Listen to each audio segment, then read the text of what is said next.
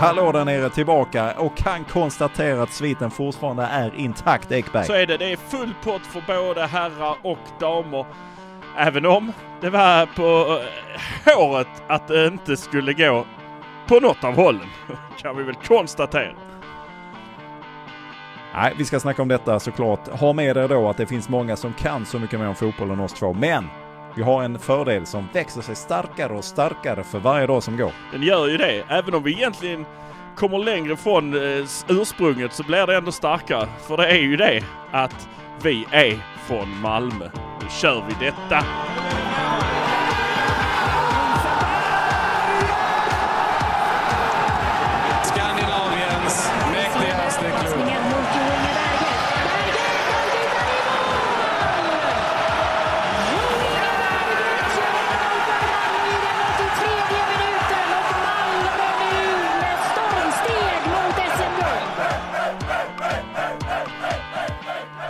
Och vi ska börja med att berätta att vi gör det här avsnittet i samarbete med Hoff Entreprenader som med sina rötter i Malmö ombesörjer allt ifrån Totalentreprenader, nybyggnationer och renoveringar. Ja, vi säger stort tack till Hoff Entreprenader. Du, vi ska börja med det som skedde då under söndagen på Örjansvall. En trevlig arena, trevligt att se Nissan flyta förbi. MFF HBK, det blev 0-1 då till MFF. Men det satt långt inne och jag vill veta varför Ekberg. Eh, varför var ju för att de gjorde precis det vi sa att de skulle göra. Eh, skita i att anfalla, gå på 0-0 och sen så leva på att de hade en riktigt eh, dålig plan. Eh, både, både en dålig plan och en dålig plan. Gräsplan. Och en dålig idé liksom. Plan. men, men det var ju det. De försvarar sig ju hela tiden. Jag tror han, målvakten hade flest passar i laget. Eh, och det var 40 stycken varav 10 hamnade på rätt adress. Så då kan man ju bara tänka sig att de andra 30 var ju bara tjongar. Bara woho, iväg med skiten. Så eh, det var ju det Malmö mötte egentligen. Och Malmö tog det ju som vi sa också ganska lugnt inledningsvis. Men vad skulle du säga var skillnaden eh, då? Hur kunde Malmö eh, spela sitt spel eller vad, vad, vad, hur såg det ut? Ja, men de, jag tyckte de kunde det ganska bra ändå. Men det, men det var eh, väldigt mycket 22-vibbar när det sköts utifrån och det bara stod liksom, vad var det, 22 ben i vägen som, som bara stod där i vägen. Så det studsade liksom eh, åt alla möjliga håll och inläggen kom in men det var liksom alltid någon det studsade på och sen så är det ju helt horribel eh, jävla linjedomare. Jag tror det var Klittes brorsa på den sidan eller så var det någon av de andra. Men eh, tre gånger första halvlek blåser han av Malmö på, he- alltså på helt felaktiga offside. Det är verkligen helt felaktiga offside. Det är, det är, det är bara som så att konspirationsteoretikern i mig bara helt går bananas när man läser också bara för någon vecka sedan att eh, SVT gör en om, om liksom så här liten gallupundersökning bland svenska domare och de är 97% vill ha VAR. Det är väl klart att i den här matchen när det står så mycket liksom, så mycket på spel. Det står mycket på spel för Malmö. Det är liksom, det var en sån. Att de bara så, ja men då, då vinkar jag offside här. Ska vi se om de inte vill ha VAR till slut ändå de jävlarna. offside. Ja, hade vi haft VAR hade vi kunnat kanske så, vi kan ju snacka om det men nu har jag bestämt att det är offside. Ja, men det, är, det är ju en märklig diskussion kan jag tycka. Jag förstår ju att man vill ha alla medel stående till buds för att det ska bli så korrekt som möjligt. Men någonstans så då, då, då, då reducerar man ju sig själv och det är man själv, ens egen insats. Det, till slut så kommer vi inte behöva ha några domare som springer runt överhuvudtaget och då det, det kanske är fine, det är fine för mig. Det spelar inte mig någon större roll. Men det, det måste de ju fatta att har vi VAR så är det bara en tidsfråga innan linjedomarna framförallt försvinner och till slut kanske vi inte har en domare alls på plan utan då sitter alla runt sina skärmar och tittar. Och vi ska väl också, om vi nu då ska kort bara prata lite VAR så, så är det ju i slutändan det är, är det ändå bara en annan människa eller andra människor som sitter någon annanstans och tittar på det. Det är inte så att de länder som har infört VAR att det blir hundraprocentigt korrekt i alla situationer. Det blir ju också att ser du en situation om och om igen, en liten liten snutt som loopas om och om igen, till slut så ser du saker som kanske inte finns där. Det är som när du lyssnar på musik, du kan få en upplevelse av att shit, där har de ju pukor och trumpeter. Men nej det är det inte utan det är egentligen bara ekot av ett annat ljud som skapar den effekten. Och till slut, tittar du om och om igen på en situation så kan du få idéer om att det är detta du ser. Fast det behöver absolut inte vara så. Så att jag eh, det såg eh, också en intervju här då i samband med att man släppte den här bakom domarjäveln på SVT. Som jag absolut tycker att man ska se. Absolut, ta en kik på den. Så var det Fredrik Reinfeldt då, den nya ordföranden som var i studion. Och det är så oerhört tydligt. Han har ju så svårt att dölja vart det är på väg. Han menar ju att ah, vi får lämna detta till mötesdagarna som de har i november. Men allting, alla kommer pusha för att vi ska få igenom ett VAR här. Sen så hur det går ihop med föreningsandan i det här landet och hur, hur den kommer att tas emot och hur de kommer att hantera det. Det återstår väl att se. Men eh, det blir en spännande fight i november. Ja, det är ju som så här också, man ska väga in det här som kom fram i den här SVT-undersökningen bland domarna också. Det här är väl en del av det som de också fick fram eh, alla hot och sånt här eh, mot domarna. De har väl gjort en stor undersökning med dem. Men det kommer fram där också då i artikeln att det är bara tre domarpar i det här landet som har VAR-utbildningen. Eftersom vi inte har VAR här så får inte de andra det. Och då är det bara de som får döma utomlands. Så det är ju därför de här andra skyttedomarna som står... Ja, assisterande heter det, inte skyttedomare. Assisterande domarna och de att de vill ju verkligen ha det för att de ska komma härifrån och döma någon annanstans och döma på en annan nivå. Då säger jag bara en sak till. Lär er då en normal nivå i den här serien innan ni ska börja snacka om att gå till nästa nivå. Man får lära sig krypa innan man kan gå. Riktigt irriterande. Ja, och det var också någonting som kom upp i den här intervjun att de, de ser det också som en karriärsmöjlighet. Men där kan jag också fundera, men är det, vänta, är det därför vi ska ha VAR? För att domarna vill göra karriär? Är det det som är målet med detta? Jag förstår inte det. Och det är en helt annan separat diskussion. Det kan vi diskutera hur länge som helst och det gör vi gärna någon gång här. Men vi går tillbaka då till matchen. Så eh, började det ju kännas lite knepigt. Jag tyckte Malmö satte in och de gjorde allt de kunde. Men precis som du var inne på. Halmstad kröp ju längre och längre. De stod ju nästan på mållinjen hela gänget. Och det var ju bara en sån match där bollen då inte skulle in. Men. Men det, det, det finns alltid en lösning och så länge man fortsätter jobba. Det kommer vi komma in till sen att eh, det är inte över förrän eh, domaren blåser. Men eh, om man fortsätter jobba, om man fortsätter ta striden. Så kommer det, kommer det lösa sig till slut. Men eh, det var ju där när vi började närma oss 90 minuter. Då var, eh, då var det många storska HBK-are. Det var bland annat den här Kasper med Z, bara det borde ju hans föräldrar ha rött kort för. Som drar ner Penja. Alltså han kastar sig runt halsen på honom som om han var kär i honom. Och bara trycker ner honom i marken som om han vill göra ett övergrepp på honom. Eh, och domaren ger honom gult. Då skämdes man och hette Ekberg. Men han får gult i alla fall. Och det, det är liksom... Där börjar han helt tappa det. Eh, för sig fick Rydström gult. Eh, om man har läst och hört om presskonferensen så eh, jag tror det var Sportbladets Flink som skrev att det var en superironisk eh, presskonferens där han säger där, eh, där de var ironiska åt båda hållen, båda, båda tränarna. Så man, det kan man väl också, som man, om vi nu ska bara ta det sista om domarna, det kan de ju faktiskt ta och titta sig i spegeln när båda lagen verkligen tycker att vad höll du på med? Alltså åt, åt alla håll, då vet man att då har det inte varit speciellt bra. Rydström säger han brukar vara bra. Men det här kortet till Penja för att de maskar. Och han bara bryr sig inte liksom. Och så Penja skriker någonting och det är liksom som Rydström säger, jag vet inte vad han skrek eftersom han kan varken svenska eller engelska så, så måste väl domaren kunna portugisiska då om det ska vara något. Vi ska bara bena ut att du pratar om Bussanello nu och inte Penja. Ja, ja, ja, Bussanello. Penja blev nersparkad men han var också på domaren men han fick inget kort i alla fall. Eh, men eh, Bussanello, precis. Ja, det... ja, men vi kommer till det där. Men jag är lite nyfiken på, tror du, för du blev det mål i 97 minuten, vilket eh, HBK-supportrarna var helt tokiga över att det kunde vara så mycket övertid. Det kan man ju förstå. Samtidigt så lät han ju klockan gå en bit över 100 minuter, eh, tror jag, innan ah. han sen satte pipan till munnen och blåste av detta. Men tror du att Malmö började känna av en viss press i det här nu, för nu har det gått bra. Man har sju raka segrar, man vill ta den åttonde, men så låser sig det lite grann. Man kommer inte åt på samma sätt. Det är inte det tydliga spelet som vi kanske såg mot AIK eller mot Hammarby för den delen.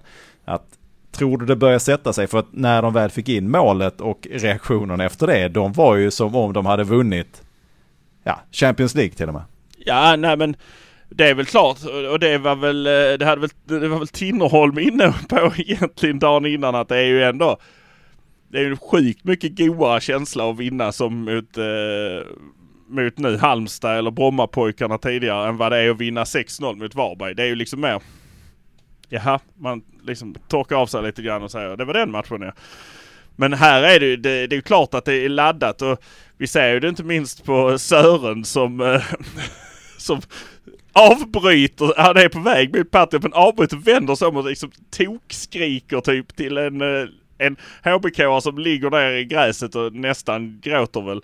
Och jag, jag, tycker det var så rätt. Jag tycker det var så skönt. Det, när jag såg bilden sen, jag reagerade inte på det när det var match för då satt jag själv och skrek och eh, var obscen.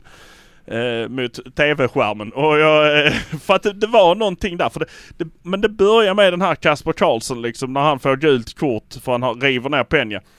Det störiga i hela den situationen är att han får gult kort för att han river ner honom.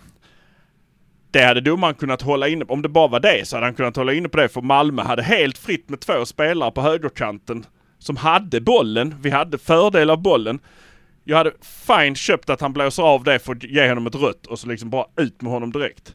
Men han, alltså gult kan han ge sen. Han kan gå in i situationen när den är över och säga du ska ha gult för det du gjorde där. Men nej, han blåser av Malmö som är i ett anfall i 90 typ nästan. För att göra det här. Det är så... och då när de går iväg, du vet, det är high-fivande och han går och småflinar den här fula jävlen. Bara så. så det... Ja men det, det blir liksom, ja de var så jävla hemma på att, och jag lovar den här har sagt till Sören att bröt vi er svit eller något sånt. Det är garanterat 100% för det är sånt snack som går ju. Det, det, man, det köper jag också. Det hade ju, så är det bara. Men det är ju också, gör, ger man den då får man också. Då får man Rex Rex i, i nyllet när man, när man inte kan hålla tätt. Det blir bara så. Uh, Nej, det, det, var, det, var så, det var så kul att se de här bilderna för att det är verkligen, han är på väg åt ett håll och sen bara vrider han och vänder på på en femöring och står. Sen så filmar de någonting annat eller där bryts det så man ser så... inte så mycket mer av det. Utan han står och den här HBK ligger på knä med huvudet i gräset och då han, någonting skriker han ju. Vad han, vad han skriker det har jag ingen aning men just att han i stunden ändå Nej, det här är viktigare just nu. Vi har gjort mål, absolut, superkul. Men den här personen ska veta att vad det nu är han säger sen där. Det är intressant för Christiansen står ju också, han är ju, har nog aldrig sett honom i den typen av tillstånd på det sättet. Där han står ju mot, hem, alltså mot MFF-supportarna och skriker som om han skäller ut dem. Det gör han ju inte. Han är ju bara, ja, bara jätteglad. Allt. Men det, är den, det, ja, men det är på gränsen till aggressiv ja, ja. glädje som bara ah, står och, och, bara skäller ut dem, ser det ut som. Titt, så att det här, tittar någonting... man på den sekvensen så, så, ser man också att Martin Olsson kommer springande dit nere från backpositionen och puttar Isak i ryggen så att han nästan går i backen i ren sån. Wow! Och sen så ställer han sig liksom och bröstar med, med AC liksom så här, Riktigt så. Alltså det, allting släppte där och det, det, var så, det, det, var så jävla förlösande. Man har också sett filmen från bänken som är filmad liksom lite uppifrån. Hur Cornelius då som gick ut med eh, sin huvudskada, som vi kommer till lite sen också. Men hur han liksom mm. hoppar över räcket där. Bara springer in. Alla bara och eh, hur liksom Rydström och, äh, vad heter han? Vår kära målvaktstränare bara står Jonny och bara... Fedel. Ja, bara du vet, kepsen är på sned på Fedel och allting är liksom, det, det blev sånt tokfirande och tydligen de var inte så glada vänner på varandra efter presskonferensen, tränarna där. Men jag, jag tycker det är, ah, det är så det ska vara. Det är jävla, så jäkla gott alltså. Det, ja, man får lov att göra som Sören gjorde. Man får det och man får göra som de gjorde. Man, det, man ska göra det. Kul också att se Patriot i intervjun efter med Discovery när Peña och Hugo Larsson kommer och bara drar iväg honom. ja, men vi ska prata om också för det som händer där då när Malmö får det här målet. Det är också, jag, jag måste också ställa mig upp lite för domarna. För det är, ta mig Sören inte lätt på något håll. Oavsett om de har en dålig dag. Det som händer där då när Malmö väl får in bollen. Det är ju att HBK-arna som inte har eh, signalerat om någonting innan målet går in så att säga. Utan men så fort bollen går in Då rusar tre hbk mot domaren och börjar skrika om någonting. Vad de skriker om det vet inte jag men det är uppenbarligen tycker de att domaren har tillåtit någonting. Och det, det kan ha varit att de tyckte att den här frisparksgrejen då, att den inte låg rätt den här gången heller om det nu var en meter till höger eller vänster, det vet jag inte. Men de hade ju aldrig öppnat käften om bollen hade gått över eller gått utanför eller om målvakten hade räddat. Då är det inte en enda HBK-spelare som hade rusat fram till domaren och sagt Nej det var ju fel det där! Herre min ge! Och det är den typen av påtryckningar. Jag förstår att alla gör allt de kan för att på något sätt påverka. Men man måste också vara någos, någorlunda slow ifall man tror att en sån grej ska kunna spela in i efterhand. För att nej, då får vi nog bryta hela situationen så räknas inte målet. Det, jag, jag, fattar att domarna i sig också måste bli extremt frustrerade. Klitt är ju inne på det också i den här dokumentären. Att, och det kan jag ju förstå. Eh, jag, jag håller med honom i detta när han säger, men hur tror de, hur tror de att deras skrikande och deras ilska och pissiga uppträdande ska få mig att vara mer förstående mot dem? Tvärtom, vill man någonting så brukar man ju vara lite hövlig och lite trevlig. Sen gör alla misstag, det är han inne på och det, det kan jag köpa rakt av. Eh, och i det här fallet, hur tänker HBK att det ska kunna påverka? Jag förstår det inte och det är precis det här lite skenheliga som jag har väldiga problem med oavsett om det gäller MFF eller om det gäller andra lag. Att bollen går in, då rusar de. För att de har ju inte gjort något fel. Det är det här jag vill komma fram till att spelarna gör ju aldrig fel. Det är ju aldrig deras fel att det blir mål.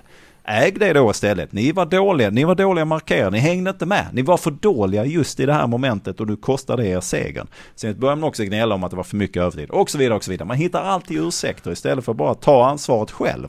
Och jag tycker det är pissigt oavsett om det är MFF-spelare eller om det är andra spelare. Det är jäkligt trött på att se. Ja, jag gick ju in lite i en sån diskussion med Patrik Ekwall på Twitter när den här filmen på Anton Tinnerholm rullade, rullades där han eh, tar sig för fel ben. Och han säger att det här är ju att jämföra med doping och eh, ut med sånt här. Så, så skrev jag bara frågan, men var drar vi då den gränsen? För att ja, det här är en förstärkning. Den är också jävligt dåligt utförd. Ja, och det är inte så jävla kul att se. Men var drar vi gränsen? Att stå och skrika hands varje gång bollen har studsat på någon i straffområdet. Till domaren. Alltså att fem man springer bort och skriker på domaren. Är det att försöka påverka? Är det att försöka liksom ändra resultat? Är det, är det också doping då? Är det också att man försöker tillskansa sig fördelar genom att hålla på? Läste en rätt eh, kul grej om Hammarby-matchen. Deras första straff var ju den här lille norrmannen lite klurig. För han tog bollen och sen så var ju djurgårdarna på honom som fan försökte slå den ur händerna på honom och psyka honom och sånt. Och sen när det var dags att slå straffen så var det Besara som tog den. För det var inte alls han som skulle lägga den, Mikkelsen. Och det var något trick han hade lärt sig av någon norsk fotbollspsykolog som hänger på TikTok tydligen, på deras elitecenter. Det där som, där de, de här fabriken där norrmännen får fram alla toppspelare som Haaland och sånt som absolut inte är dopade. Absolut inte. Absolut inte är de inte det. Det markerar jag att det är de absolut inte. Deras sådana elitcenter både inom skidåkning och... Vad är, det, vad är det du kommer flygande med här? Vad är det, vad är, vad är, vad är, det du kommer farande med? Jag säger ju att det inte är så ju. Jag, jag markerar ah, starkt ja, ja, mot ja. det. Inga sådana idéer. Ja. Men i alla fall. Ja, men vad vill du komma fram till nu då? Jag vill komma fram till att det är ju det. Det är ju en påverkan. Det är ju också en påverkan. Mm. Och visst, ja jag tycker inte om det men visst i viss mån får man kanske leva med det. Klitte säger ju också i den här dokumentären att ja det är ju känslor. Det är ju det är ju en sport där mm. känslorna svallas. Man får ju också ta det för det liksom. När, när spelarna, när det liksom i stundens hetta, det brukar oftast inte vara något allvarligt efteråt. Eh, det är publiken är ju värre Nej. runt hörnorna och sånt här när de står och skriker om barnen och allt möjligt. Men, men spelarna, det, kan, det, det, hade han ju ändå en förståelse för. Men eh, så, så... Jo, jo, jo, men sam, samtidigt så är det också någonting som eskalerat. Går det bara 10-15 ja. år tillbaka i tiden så har du inte detta. Nu är det ju, så fort det är någonting så är det ju fyra eller fem man. Det är väl därför du har en lagkapten på banan. Då får ju, i vårt fall är det då Christiansen som då kanske Klitte tycker är de gnälligaste som finns, punkt. Men då, då har vi ju valt att göra det. Då har vi löst det så att det är han som får föra MFFs talan på plan. Alltså jag, lagkaptenen bör ju vara den som ska framföra. Men vi tycker kanske inte riktigt att det här blev så bra. Det kan inte vara 700 Edvardsen. Jag såg, eh, var det, om det var slutet på eh, Hammarby Djurgården igår. Liksom. Då står ju då tre Djurgårdar som då är två och en halv meter högre än vad domaren var just i det fallet. Och liksom bara matar på och skäller och tycker och tänker. Och om, om det då blir ett gult kort att Christiansen kastar en stol i innandömet på Tele2 efter att matchen är slut. Hur i helsike kan det inte delas ut gula kort? Och det gäller oavsett om det är AIK eller Malmö. Det, det spelar inte mig någon roll. För jag tycker bara att det är, det måste vara en oerhört kissig arbetsmiljö för domaren oavsett. Sen så kan de få efterrapport om att alla är så nöjda, alla är så glada och jag förstår att det är känsligt. Men för helvete, vem får bete sig så på sin arbetsplats? Man gnäller på supportrar som absolut går över gränsen. Framförallt om de då ringer och mässar och håller på och grejer. Det, det hör inte hit. Då får man fan med lära sig ett och annat om vett och etikett. Får man åka hem till föräldrarna och fråga hur har ni uppfostrat mig egentligen? För de tar sitt ansvar. Men det, det, måste ju finnas gränser för spelare också. Nu fick ju Bussanell smaka på det. Att han fick ett kort, vilket jag kan tycka är så jävla korkat. Även om det är väldigt roligt uttryckt att eh, han kan ju varken svenska eller engelska. Och det är eh, kul att domarna har en sån språklig bredd. Jättekul, men också oerhört korkat och jävligt dumt i huvudet. Det kan vi inte komma undan. Vi ska prata om det alldeles strax. Men det, det, måste ju finnas gränser för spelarna också. Att inte, att inte de här två eller tre Djurgårdarna som stod runt och skällde över att de är dåliga. Förlåt, men de är dåliga. Ja, ja. Att de inte får gult kort i det läget, det är för mig ett under. När man då kan få eh, ett gult kort för en slängd stol i ett innandöme ja, men, på en arena. Men glöm aldrig, Anders Christiansen har en egen regelbok. På gott och ont tydligen. På gott och ont tydligen. Så är det. Så är det. Den går tydligen åt båda hållen och det kanske vi får glada för. Nej, men det är, det är en passus i detta, men jag tycker att alla har ett ansvar i detta. Men jag, jag kan Spelarna får fasiken också se sig själv i spegeln. Ja, men jag kan inte förstå varför då domare Ekberg i det här fallet, som är så väldigt korrekt och ger eh, Buccianello eh, ett kort för protesterna. Varför flyger inte kortet upp på de som flyger på honom efter målet då? Varför gör det inte det? Nej, varför, är, är deras, varför, är hans, varför är hans nivå så jävla annorlunda mot dem då? Varför ska det vara accepterat mm. helt plötsligt? Mm. När han egentligen... Ja, men det, det, det är någonting... Bara jag kan säger tycka det är någonting som man behöver stävja. Ja, ja alltså... Ja, ja men jag, jag, kan tycka att det är någonting man behöver stävja. Men då måste man också hålla en någorlunda jämn linje i detta. Att nu är det så här att springer, springer fyra man fram. Det är ju Janne Andersson-attityden på detta. Liksom att han eh, kände sig utsatt av... Eh, är det Viasat som har de där matcherna nu för tiden eller vem det nu är. Han kände sig hotad av det där gänget som stod där och, och, och höll på. Och det kan man ju, det kan man ju, jag kan förstå det. För de kommer och är jävligt eh, offensiva och i viss mån kanske till och med aggressiva. Här kommer det ett gäng som tycker det är för jäkligt att de har gjort bort sig och råkat släppa in ett mål. Och då är, måste det vara domarens fel för att han, han eller hon har missat någonting som skedde på vägen fram till det målet. Det kvittar ju nästan nästan i vilket läge. Det blir ju tjafs och trams direkt. Så det finns ju någonting, där måste man jobba med någonting. Och det gäller MFF också. För inget, inget snack om att inte MFF också kan vara framme och skrika och hålla på. Och det, när jag är på stadion är det klart att jag buar och tjoar och kimmar också. Jag skulle dock vara väldigt tydlig och säga, jag skriker inte diverse okvädningsord eller någonting i den stilen, utan det är ljud jag ger ifrån mig på ett eller annat sätt. Oh! För det är också en del av mitt jobb när jag är som supporter på hemmaplan. Ah fasiken! Det är väl klart att jag måste uttrycka mig och försöka göra vad jag kan i det. Ja, ja nej men, men där stannar det liksom. Där stannar det. Men eh, att, att inte korten delas ut i större utsträckning när folk står och bölar för att de har misslyckats med någonting. Som HBK i det här fallet, eller som Djurgården gjorde eh, mot Hammarby också. Det, det är för mig ett under, eh, måste jag säga. Men okej okay då, ska vi då gå in på, eh, för nu, det här var ju kanon, Patriot som då, det var Nikolaj Trakovic som då sa till eh, Rydström att skicka in honom och det var ju, det var ju från himlens center och vilket jävla träff den hade ju lika gärna kunnat studsa åt alla håll och kanter. Det är ju, det är ju inte ett det är ju inte en passning som går fram till honom utan han får ju verkligen anstränga sig för att nå den. Ja men det är ju det som är så skönt. Passningen kommer från Vecchia från det hållet och han kommer liksom i samma fart från andra hållet och så bara möts de där inne i att han bara, nej jag drar den och han var helt säker på att han skulle dra den i mål. Jag drar den, jag drar den i mål. Det kändes, det kändes klockrent rätt sa han. Men de har ju skjutit också några gånger över där. Men den satt ju ja, för den satt ju gick, gick på väldigt mycket kraft. det, det, det, alltså den gick så jäkla hårt upp i nättaket så det var helt otroligt. Men vi kanske ska backa lite grann där för att det är ju som så att vi hade ju våra två mittbackar som krockade ihop. Mm. Och då plockar han ja. ut Lasse Nilsson som får sys. Och så efteråt har Rydström sagt att vi hade kunnat sy honom, kasta in honom igen. För värre än så var det inte liksom. Men det hade tagit lite för lång tid. Så då liksom för att säkra upp så gör man ett byte direkt. Och då sätter man in Vecchia istället för en mittback. Bara det är ju också så. Att det, det sa ju HBKs osar tränare också. ju- Ja men herregud, de kan sätta in Vecchia. Alltså när, när de kommer mot slutet nu behöver ha in lite. Då sätter de in Vecchia. Alltså de har honom som... Han, han ligger liksom på bänken och är reserv. Det, det är helt otroligt.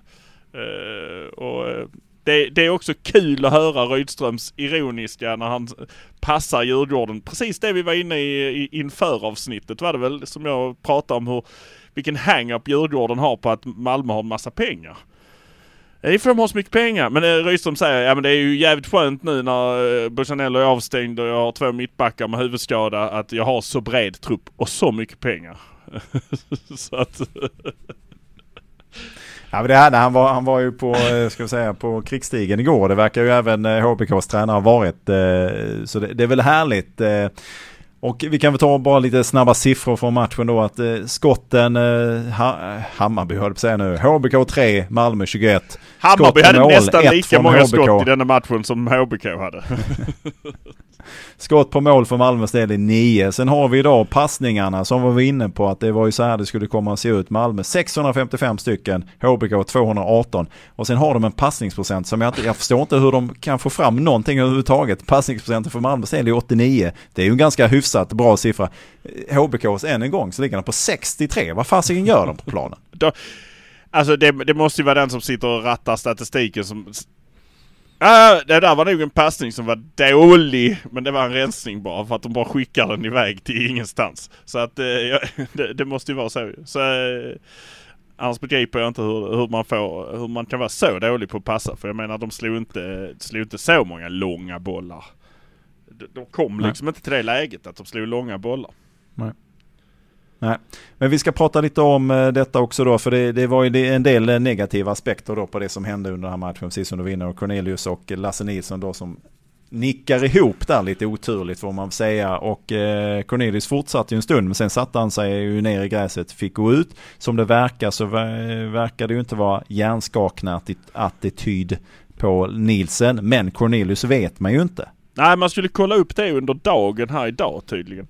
Och det är ju också, det måste man ju också eh, lägga in i den här. Det blir väldigt spretigt här nu men det var ju en av protesterna mot domaren var ju att eh, Martin Olsson spelade med näsblod efter att han hade fått en smäll på näsan. Mm. Eh, det. men det var inte så farligt. Och Martin Olsson sa jag frågade domaren och han sa det är okej och jag sa ja men det är okej och sen så körde vi. Eh, men det är, också, det är också stenhårt av Martin Olsson. Jag älskar det också att han säger jag ska kolla imorgon om den är bruten. Alltså det, det är något man väntar en dag med att kolla om den är bruten näsan. Ja, men det är ju också, du vet hur det är, då ska man ringa vårdcentralen så ska man få en ledig tid. Du vet, det är inte 1177 och lätt. Svenska sjukvården, det är tuff. Den är tuff. Det är så, Så det får man det är skjuta upp, får man göra när man hinner. kul och bara jag ska kolla det imorgon. Det kändes nästan likadant så jag ska kolla det imorgon. Då kanske vi får på Mm. masken igen. Men- Sen har vi, ja, ja så kan det vara. Vi lämnar, vi lämnar honom, det är jättetufft. Men vi måste prata om Busanello för att han, han är ju grym som vanligt. Total idioti att snacka till sig. Han har ju snackat till sig de här tre korten, Ja. är det så? Japp. Alltså, han har snackat till sig det första. Det var, eller snacka och snacka. Han snackar inte. Det var det som var problemet. Att domaren kallade och kallade och kallade på honom. Han, Han gick därifrån bara. ja, han Just bara det. gick. Och så, det var väl Klitte i det läget som blev irriterad och gick fram det. till honom. Eh, och, och så fick han det kortet. Och sen andra kortet var ju när han stod och kramades in i straffområdet. och, Just det, just det. och domaren sa till honom. Och sen snackar han till sig. Det är ju, Han- det, det, det, ja, men det, det är ju, hur vi än vrider och vänder på det Ekberg, det är ju korkat. Nu har vi, vi har Häcken nästa. Hemmaplan i och för sig och det kommer bli lapp på luckan i, nästan slutsålt redan nu. Men det är ju i den här matchen som vi behöver honom. Ja, eller inte. Eller så är det... Nej, nej, du kan inte sitta nu och vara så jävla kaxig. Det är väl klart som fasiken om du har, om du har valet att ha Busanello eller inte ha Busanello. Men nu har jag Så inte, väljer du att... nu har jag inte valet.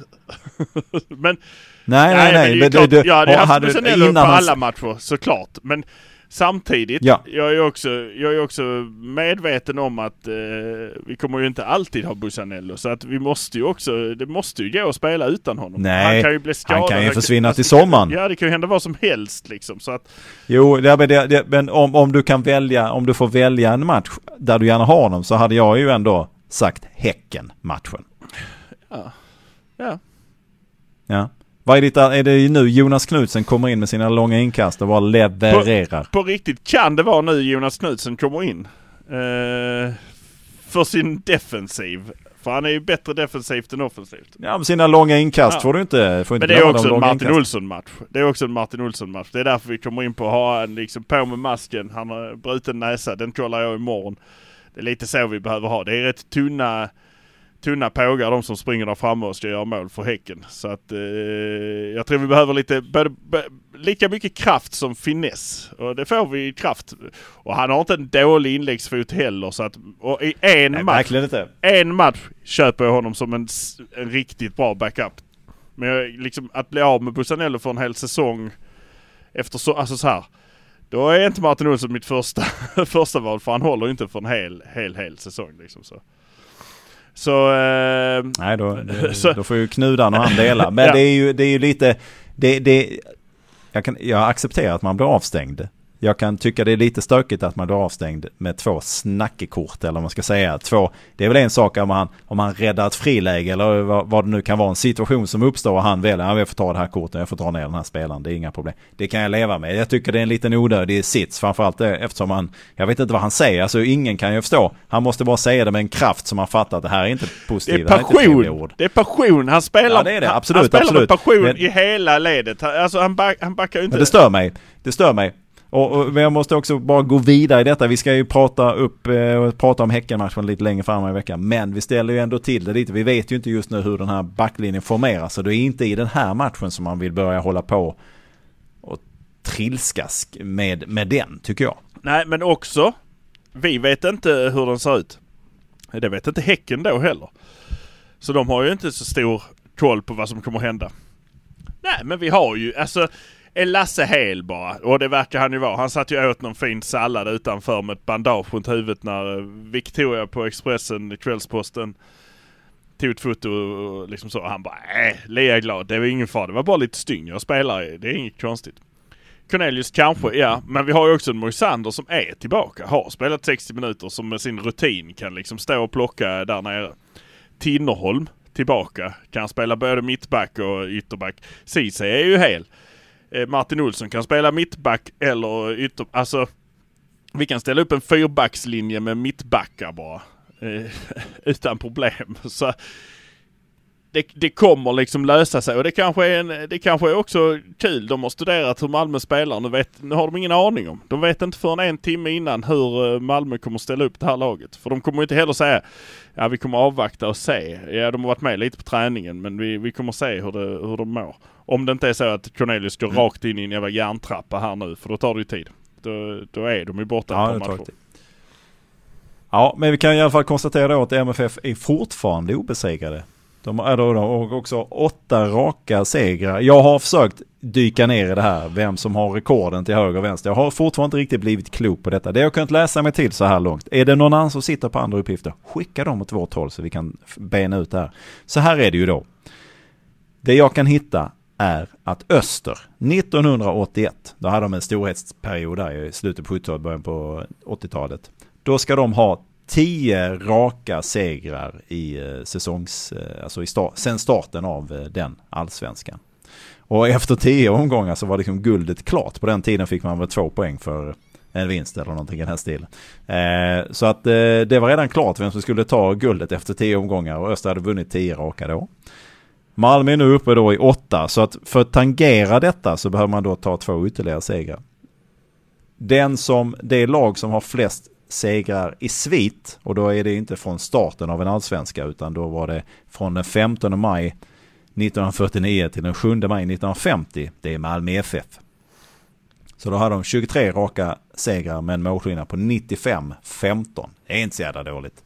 Jag tror de sista 18 av dem kom i inledningen på en säsong. Eh, så att det var liksom glappet över där liksom så.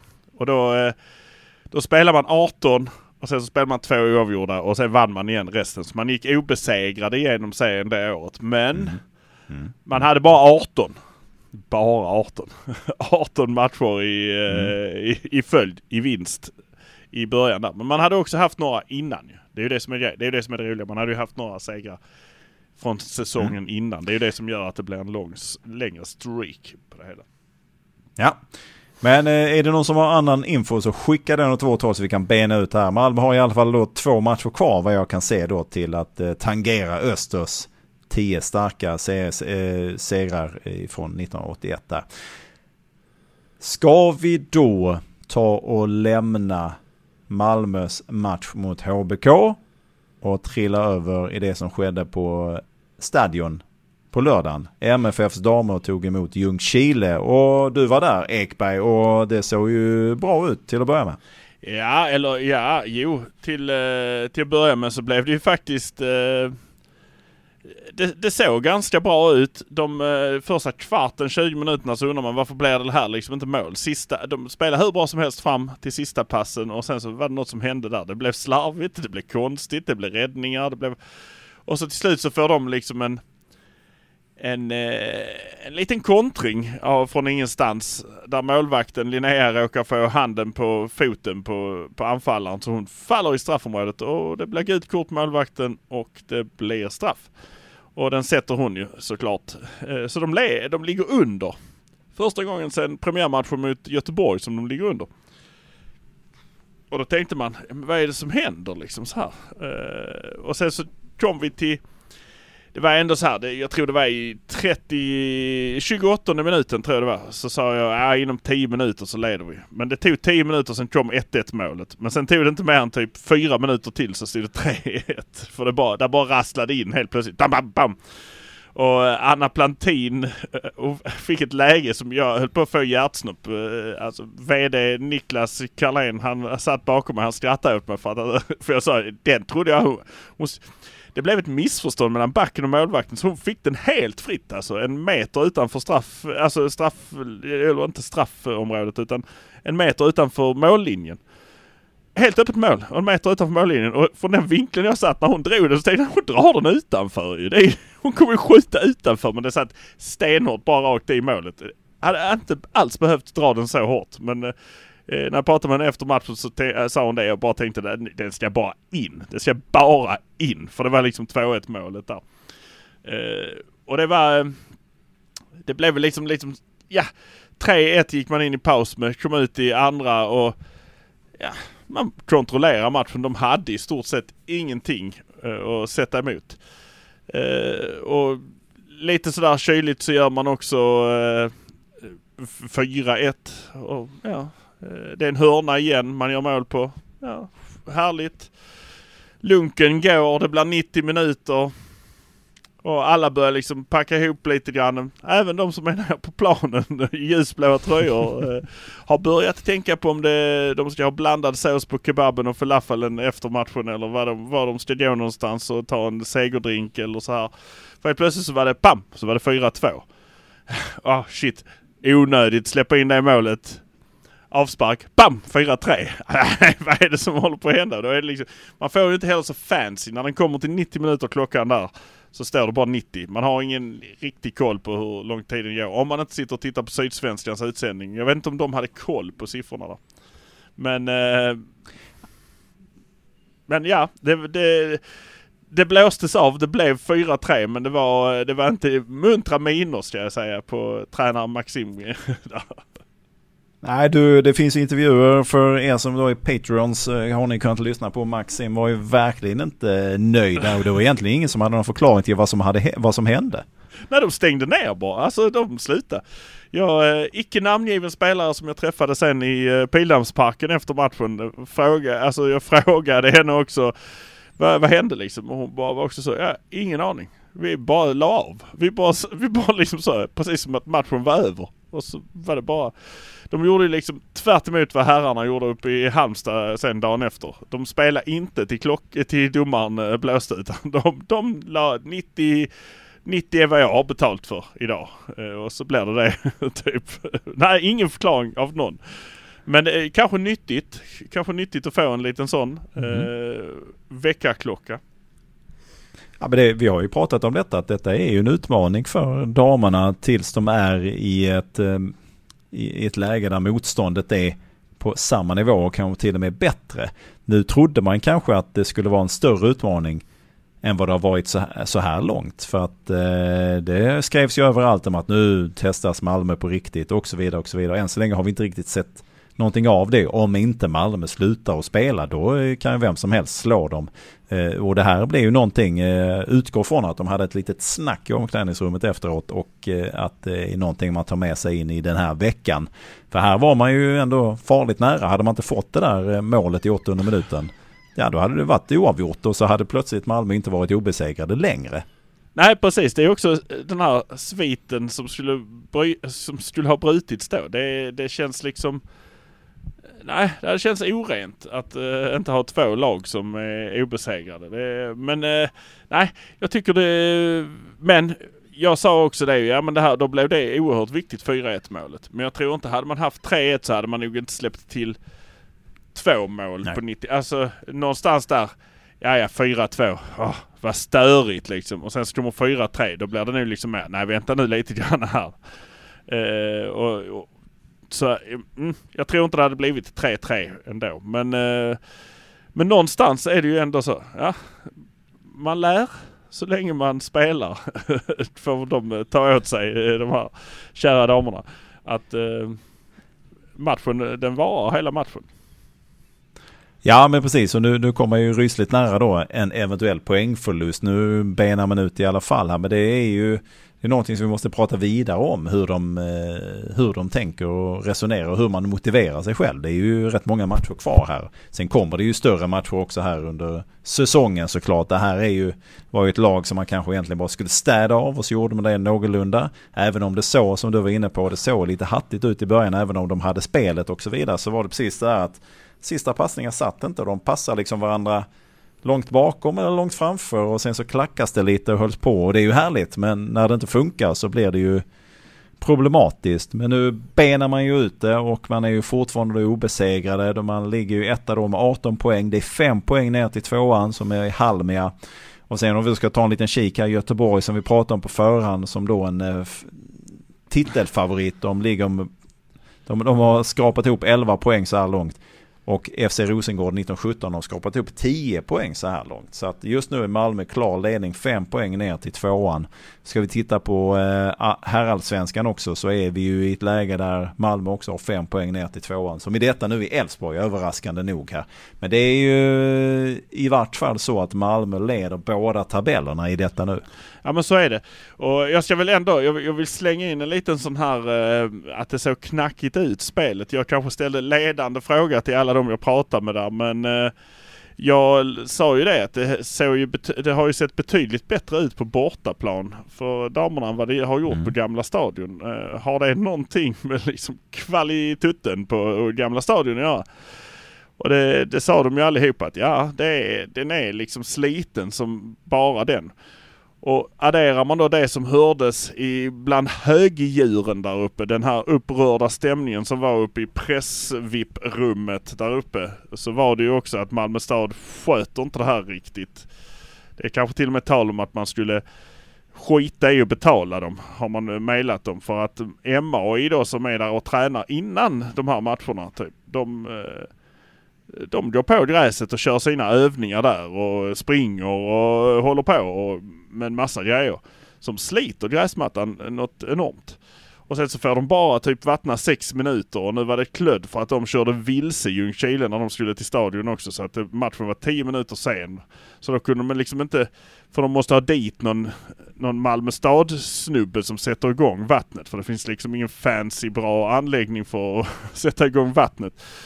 Eh, och det kunde han inte göra för då hade de helt plötsligt uppvärmning så att det blev, allting blev liksom skevt där. Men, eh, men det var något som togs upp att det, det sköts liksom inte. De får inte det de vill ha där inne. Eh, och Fick också viss indikation på att det kommer spelas matcher på Eleda stadion.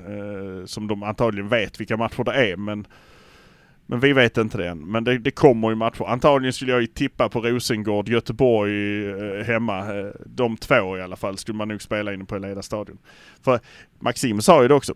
Mot Halmia på deras konstgräsmatta där gick det ju som på ett snöre. Det är, alltså deras kortpassningsspel där det ser ut som det var herrarna som var där. För Halmia var inte dåliga.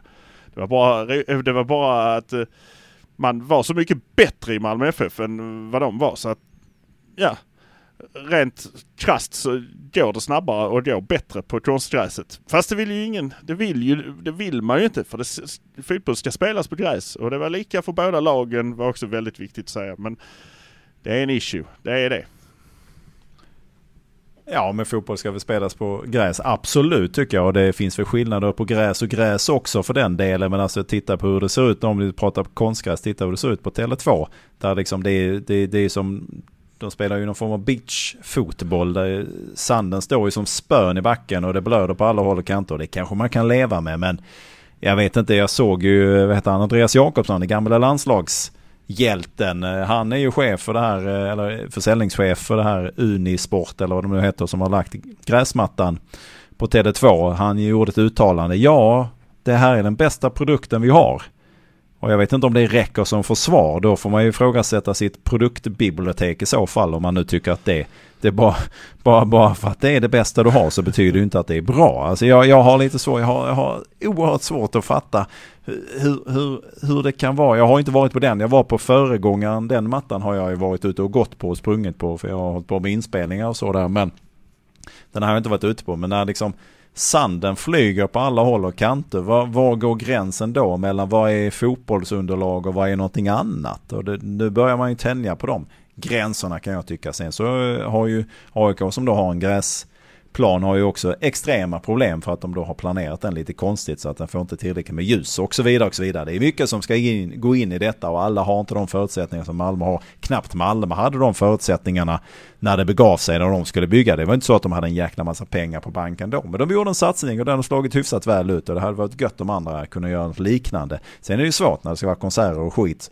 som håller på att förstöras. Och nu måste man lägga om gräset på Friends för att eh, Beyoncés eh, succéspelningar ställer till det lite. Och så, så är det ju om det är en eh, superevenemangsarena. Men herregud, ja, ja, ja, jag tycker bara det är jävla konstigt. Men det ska inte vara, ett, det ska inte vara till MFFs nackdel att spela på gamla stadion. Då, då får man ju börja fundera lite på vad man ska göra. Tvärtom. Och måste, vi måste prata om publiksiffran också, för den var ju riktigt, den var sämre än planen skulle jag säga. Ja, alltså vad var det? Jag, 434? 400, lite drygt 400. Ja, något ja. sånt. 430-ish eh, personer på plats.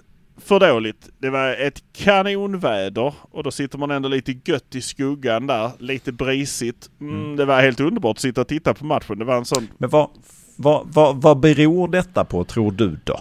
Det... Är det att herrarna suger liksom upp all ja, men, fokus på grund av också att det går så bra. Ja men det kan det ju inte vara heller eftersom eh, herrarna spelar borta i Halmstad nästa dag. Alltså, och där, hur många var där uppe? Två, jo, tre men jag tänker, ja, jag tänker alltså, att det alltså- kanske drog jag, jag, tänker, jag tänker att det drunknar i informationsflödet. För det är tufft att komma ut med så jäkla mycket info att man, äh, men av de här två så väljer jag ju det. Ja, ja kanske det. Men jag menar ju ändå att nu om man herrarna, om de har en hemmamatch så är det ju ändå Eh, ska det vara lapp på luckan, det ska vara 19-20 tusen som är där. Eh, och då förstår jag kanske att man prioriterar. Man kan inte gå och titta på två matcher per helg. Men om man tar 3000 och åker till Halmstad. Då är det ändå 16 000 kvar som skulle kunna gå på en match på helgen. Och det är ju inte så att det är betydligt mycket dyrare. Inte. Det är betydligt mycket billigare. Och det är att titta på dammatch i division 1 det, alltså att få se fotboll på Gamla Stadion. Jag tycker det är för dåligt. Jag, jag tycker det är, det är svagt och det är... Eh, ja, det finns många ord man kan säga om det. Men, eh, men det har ju varit mer där och det borde vara mer där. Och det kommer bli mer där när det är andra lag kanske. Ljungskile är inte så sexigt heller kanske. Nej men visst är det så. Nej men det, det, är väl klart att man är ju fortfarande ett läge där det här är en division som man då ska ta sig ur förhoppningsvis och kliva upp till nästa sak. Så kanske publiken kommer där då. Men det är, ska också vara superärlig att i damallsvenskan är det ju inte extrema toppnoteringar publikmässigt heller. Men jag hoppas ju i alla fall att det kan spilla över på något sätt här. För att jag, om, om IFK Göteborg kan dra ihop tusen pers på premiärmatchen så bör väl Malmö kunna göra det också. ganska frekvent tycker jag. Men man står som du säger så står man ju i ärlighetens namn säga att damallsvenskan ligger väl på ett snitt på 900 besökare per match. Så att, att men det tycker jag ändå är svårt. Varför ska vi då, varför ska man tycka att det är okej okay, bara för att det är så? Nej, alltså. Men Nej. jag vill också säga de 400 som var där. Det är väl den 430 baslinjen som alltid är där. Även om det är 750 så är det de 430 som är där. Och de ska ha en stor jävla eloge och de ska gärna, när det, de är i damallsvenskan och tar SM-guld inne på Eleda stadion samma år som herrarna gör det. Det blir dubbelguld, det blir liksom en härlig fest. Då ska de 430 personerna kommas ihåg. De satt där när det var Ljungskile som kom och mötte Malmö i division 1. Det ska de ha. Det ska de ha. Eh, inga andra får ta det med sig då. Utan det får de göra. Jag, vet, jag ser många av er. Jag ser många av dem som tittar nu och jag vet vem ni är. Jag, jag ser er. Och jag ska, jag, ni, ni, har, ni har mitt fulla stöd. Det var till och med, ja. det är också så väldigt roligt, måste dra, äh, dra en liten sån. För jag satt där, Niklas i ryggen som vanligt. Borta, alla satt där. Alltså hela styrelsen var där. Äh, Daniel Andersson var där, Georg, allihopa var där. Alla var där. Mm. Alla var där, utom Olle Törner som alltid är där. Det, det slutar med, vad fan blir han av? Jag vet fan. Så VD Niklas Carlén han tar upp telefonen i, när andra halvlek börjar och ringer till Ole. Och säger, fan jag blir orolig att det hade hänt dig någonting. Men eh, vad fan, eh, var är du någonstans? Eh, och det var det så dåligt planerat egentligen. Eh, återigen, det är andra helgen på raken att herrarna tränar då. Eh, samtidigt och har sina pressträffar. Och otur, oturligt nog nu så eh, den andra reportern på Fotboll Skånes hade blivit ivägdragen på en svensexa så att då fick Ole eh, ta här, här laget istället.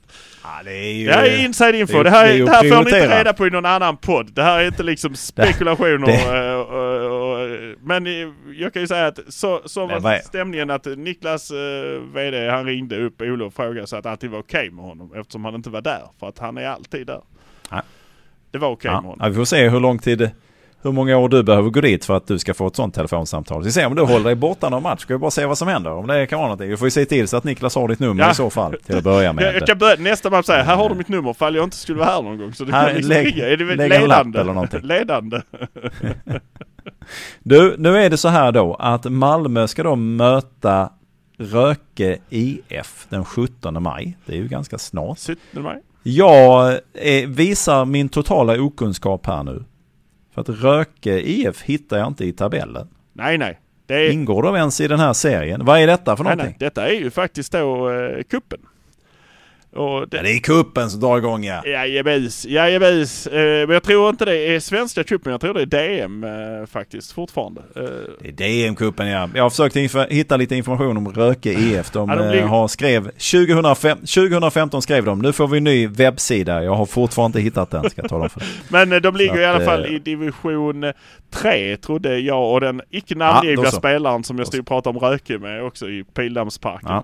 Ja. Eh, tyckte det var en lång resa. En och en halv timme upp till eh, ja. Tyringe. Eh, ah, drygt tyckte hon. Får de åka bussen? Får de åka bussen då? Ja det blir bussen. Det blir bussen till Tyringe. Ja. Eh, men sen... Sen har de då nästa... Ja. Sen seriematchen i helgen är ju den längsta bortamatchen. Ja det är det. Lödöse. Lödöse, det är också ett jävla namn på en häst höll jag på att säga. Men på ett lag eh, och en stad och en by eh, eller vad det är. Lödöse. Alltså det är som man har tagit kastat pil på den. Här ska vi ha ett damlag. Lödöse blev det. Ja, vi kommer återkomma angående den matchen. Jag tror faktiskt inte att vi kommer återkomma innan Röke e IF-matchen utan det får de faktiskt lösa själva. Så, men innan eh, Lödöse Nygård IK-matchen då som är lördagen den 20 maj så återkommer vi innan dess där angående det.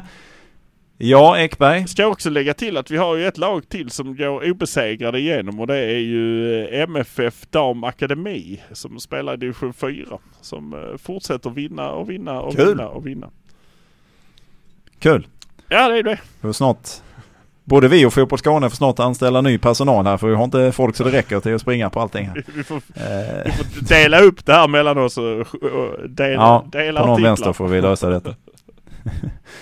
Du, eh, då konstaterar vi då, då att MFF fortfarande är i topp i två, dessa två divisioner. Eh, herrarna har ju ett, eh, har en spännande vecka framför sig. Får se vilka som står på benen när det väl då är dags att möta Häcken. Vi kommer att prata mer om detta inför den matchen för Patreons. Är du inte Patreons kan du bli det. Gå in på patreon.com slash hdn så kan du välja vilken nivå du vill vara med där. Då får du också extremt mycket mer innehåll än vad du får att vi kommer ut en gång i veckan. Du får mixed zone från hemmamatcherna. Fick, förra veckan fick du en superhärlig intervju. Det är faktiskt Ekberg. Det är din bästa intervju någonsin med Sören Rex som också var på riktigt snackehumör. Han var fantastisk måste jag eh, säga. Ja, var, och det, och det, vi fick också... Det var bra alltså. För ja. han var öppen var och bra. ärlig och, och härlig liksom. Och jag, jag måste ju säga att det är ju ett jävla garv. Eh, jag kan fortfarande tycka det är en av de mest underbara stunderna när han helt plötsligt själv drar upp Taha Ali och hur motståndarna liksom Fan ni måste tänka när jag ser att han är på väg in.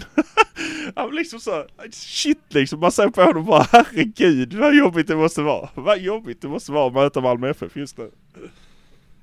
Ja, han är eh, fantastiskt bra intervju så bara för den anledningen är det, är det värt att gå med och bli Patreon där. Och dessutom så får du har ju inte, du har inte ens berättat det här med Christiansen.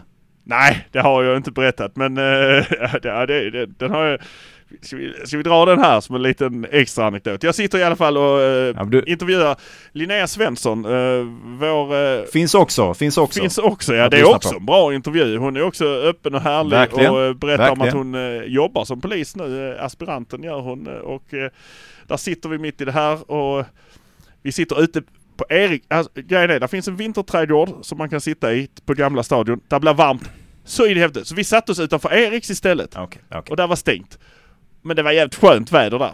Men då kommer det helt okay. plötsligt. Jag, jag sitter på ryggen ut. Hela origin storyn får du här nu. Ja. Vill du ha en anekdot eller vill du ha en anekdot? Leveransen kommer ju. Jag, jag vill ha, det, det är lite som, det, jag hamnar i samma läge nu som i min fru när hon tycker att eh, jag, jag, ja, mm, ja, jag vet, ja, ja, ja, ja. Hon kan bli oerhört irriterad för att jag har lite för kort tålamod med folk som berättar saker. Men kör nu då, ja, kör nu då. Ja, och där sitter jag med ryggen emot, ser i spegelbilden att det kommer en liten filur knattande upp på, eh, upp där vi sitter.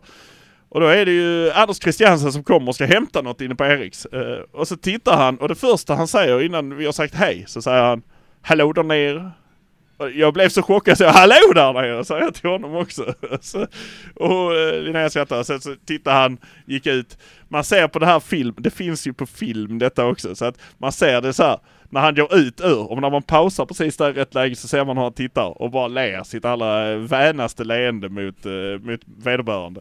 Och det, det var en härlig historia.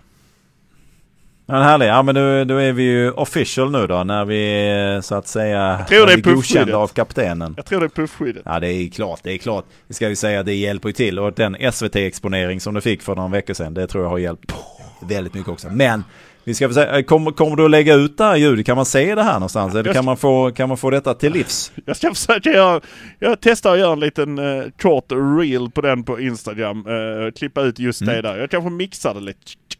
Han går fram och Men jag tycker du ska, jag tycker, jag, jag tycker du ska lägga det på ett beat. Och så bara, eh, ja alltså själva när han säger hallå där nere. Lägg det på ett beat. Ja. Hallå där nere. Eller hur det nu kan låta.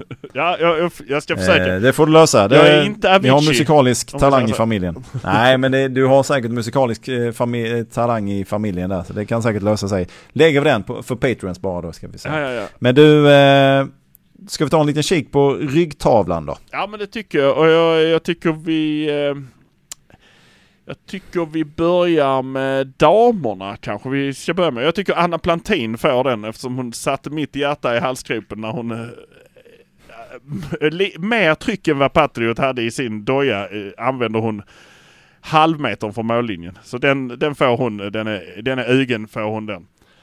Eh, här, ja. Herrryggtavlan är svårare tycker jag. jag. Man vill ju gärna ge den till Patriot. Men jag, eh, jag skulle faktiskt alltså, vända jag... på det och säga jag ger den till nu kommer du bli glad. Men Sören får den. Av så många anledningar. Ett, underbar intervju med honom. Två, han gör en medveten eller omedveten överhoppning. Är den medveten är den genial när han släpper den till Patriot. Helt medveten skulle jag säga. är den inte medveten så är den ändå bra. Men sen är det ju... Ja, det går det av naturen Sen är det bara. ju excellens när han skriker på HBK-aren som ligger i gräset. Det, det, det, oh. det, det är en ryggtavla på det. Ska, ska vi försöka Ska man försöka få tag i den här HBK-an och bara se hur det är med honom? hur det är med honom? Det måste sitta i Tisseman har han säkert skrikit eller något sånt. Ja, så kan det vara. Så kan det vara. Vi, vi kanske aldrig får reda om inte du eh, hugger Sören i veckan. Har man något att se fram emot som Patreon nu här i veckan då? Det borde man ju kunna ha. Eh, faktiskt. Okej, wait att sälja in det. Men okej, vi, vi, ni, ni som är Patreons, ni får se helt enkelt. Men det kommer att dyka upp grejer där. Om inte annat så kommer det in försnack då inför de här fräsiga matcherna som står på programmet här framåt. Nu, nu tar vi och repar upp det här och eh, så säger vi så här. Eh, vi ska kolla maratontabellen också. Oh, där händer grejer. Eh, jag vet inte hur det går just ikväll här då ju. För det, Ja, detta är innan matchen mellan AK och Göteborg spelas in ja. Precis, precis. Vi ligger ju lite i framkant där. Ni som är Patreons hör ju detta och då är väl matchen precis slut kanske när det här har kommit i era lurar. Ni andra som, Ja. eh, som någon skrev på Twitter, har du glömt oss sneaklyssnare? Men ni sneaklyssnarna, ni som lyssnar på tisdagarna, det var igår de spelade. Ni vet hur det gick. Men det vet inte vi, så vi vet inte om de Ja. skett Men ska vi, ska vi, vi... Malmö har i alla fall tagit tre vi- poäng. vi, har, vi har ju en 50-50 chans här. Ska vi bara utgå från att AIK förlorar? Eh, jag vill ju hellre att Göteborg förlorar. Ja men då så, ska vi utgå från att Göteborg Ja, förlorar? vi har dratt ifrån i toppen. vi har dratt ifrån i toppen. Vi, trean kom lite närmre. Men eh, tvåan drog vi ifrån. Så att eh, vi ska väl säga som så här. Nummer ett i den här tabellen, maratontabellen. Alla tiders bästa lag i Allsvenskan. Det är Malmö FF. Du tittar oroligt på din inspelningsapparatur. Är tiden på väg att gå ut för mig? Är buren Nej, nej, bortkopplad nej, nej, här? nej. Kopplas bort. Vi säger om det blir oavgjort så stämmer det ju på alla håll och kanter. Då drar vi ifrån på alla ledder.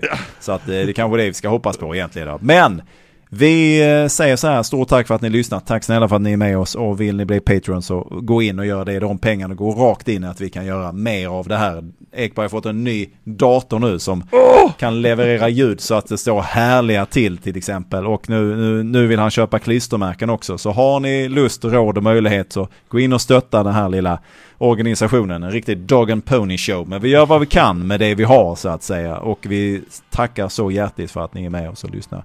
Tills vi hörs igen så sar vi så och så sar vi. Hallå där nere!